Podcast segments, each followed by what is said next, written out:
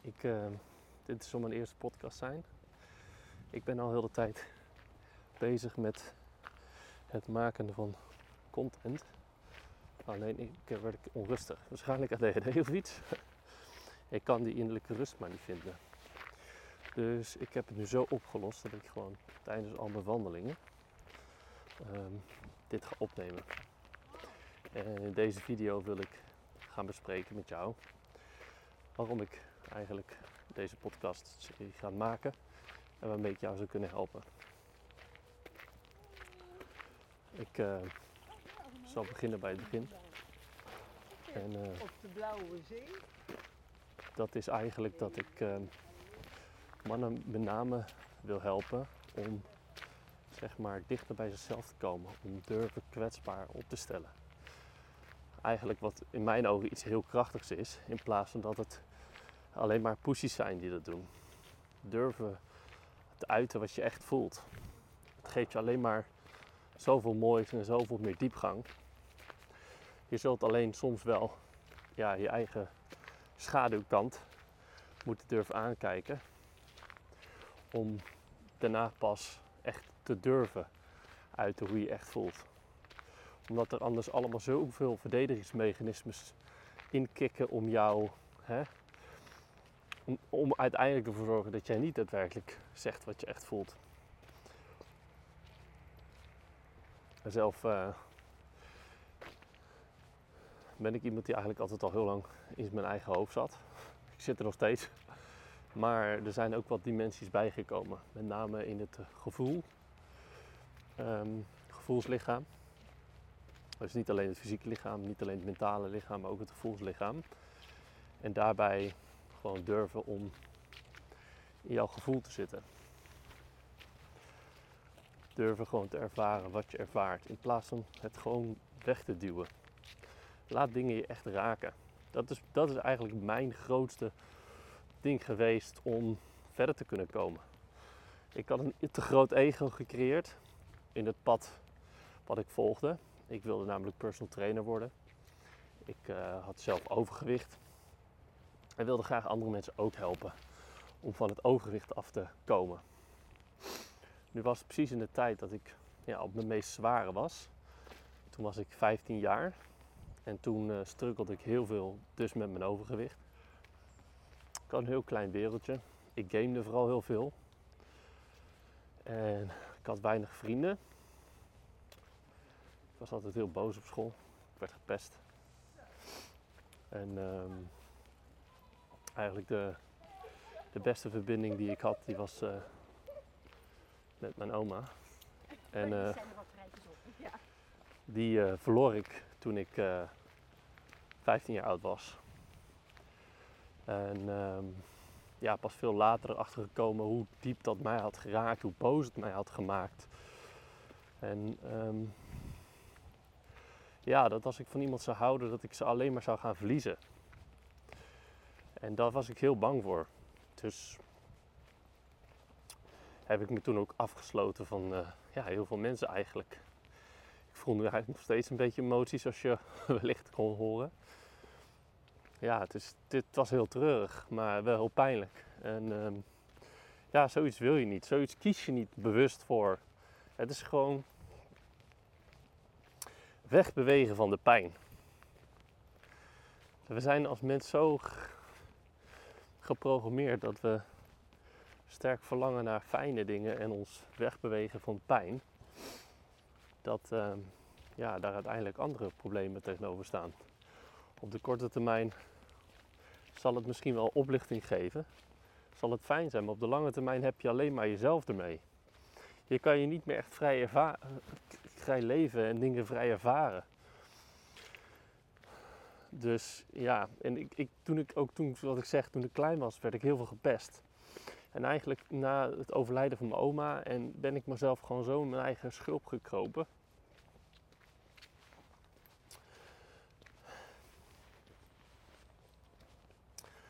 En uh, ja, ik dacht dat iedereen en alles tegen mij was. Ik durfde ook niet meer mensen te vertrouwen. Het was heel moeilijk voor mij. Ik heb het uiteindelijk wel weer durven toelaten. Maar jij moet wel het besluit nemen voor jezelf om dat ook daadwerkelijk te gaan doen.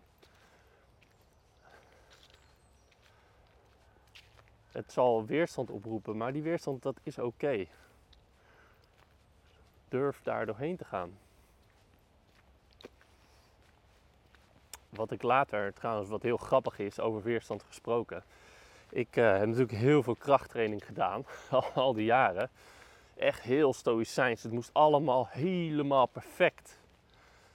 En uh, ja, kijk mij nu eens even sowieso uh, zo imperfect deze podcast maken. En ik, ik ben er gewoon heel blij mee dat ik mezelf durf die vrijheid te geven. En over die weerstand, ik had dus weerstand met krachttraining. Dat vond ik leuk om te doen. Eigenlijk was het mij een kick om van waarschijnlijk van die pijn af te komen. En omdat ik snel verveeld raakte. Zo, zo ervaarde ik dat dan. En was de krachttraining eigenlijk mijn hulpmiddel om mezelf te laten overleven. Bezig zijn met afvallen en ja, waarschijnlijk ergens een soort van verbinding met mijn oma of, of, of vasthouden, omdat je samen veel at en samen te dik bent geworden. En dat je dat misschien toch niet durft om daar vandaan te komen. Of dat het je identiteit is die je diep van binnen had gesteld aan jezelf, wat helemaal niet waar is. Ik heb echt uh, eetbuien wel gehad. Heel veel emotioneel eten. Heel veel met stress. En uh, ja, ik dacht dat ik door heel snel even een voedingsschema te volgen, dat ik er wel zou komen. Maar ja, het ligt toch wel iets uh, complexer in elkaar. Maar um, ik vond krachttraining heel uh, fijn, leuk. Um, maar mediteren daarentegen was iets wat ik echt dacht van wie de fuck gaat dat nou weer doen? Ik vond het zo zonde van mijn tijd. en pas zoveel jaar later heb ik dus durven mezelf stil te laten staan in die rust van, van meditatie. En um, ja, omdat mijn hoofd nogal vaak snel op hol geslagen was, omdat ik probeerde alles te begrijpen.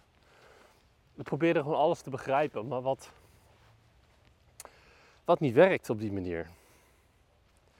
Je kan heel complex kan je dingen gaan proberen te overpijnzen en te begrijpen. Maar je moet het gewoon voelen. Ik was op zoek ergens naar um, om, om zeg maar te begrijpen waarom ik me gedroeg zoals ik me gedroeg. en ik had wel ergens het idee dat, ik, uh, dat het te maken had met mijn oma. Maar ja, ik wist niet precies waar die zat en ik kon het ook niet precies doorvoelen. En eigenlijk heb ik mijn eigen verdriet gewoon van me afgesloten op dat moment. Ik heb het nooit echt verwerkt. En dat kwam pas veel later.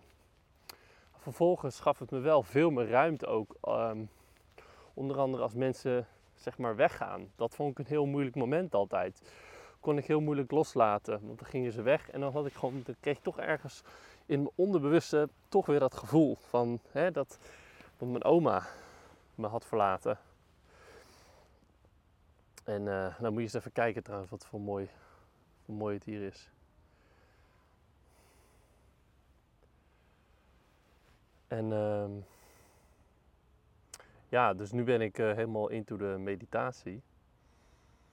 En al een tijdje eigenlijk. Ik nu drie kwart jaar.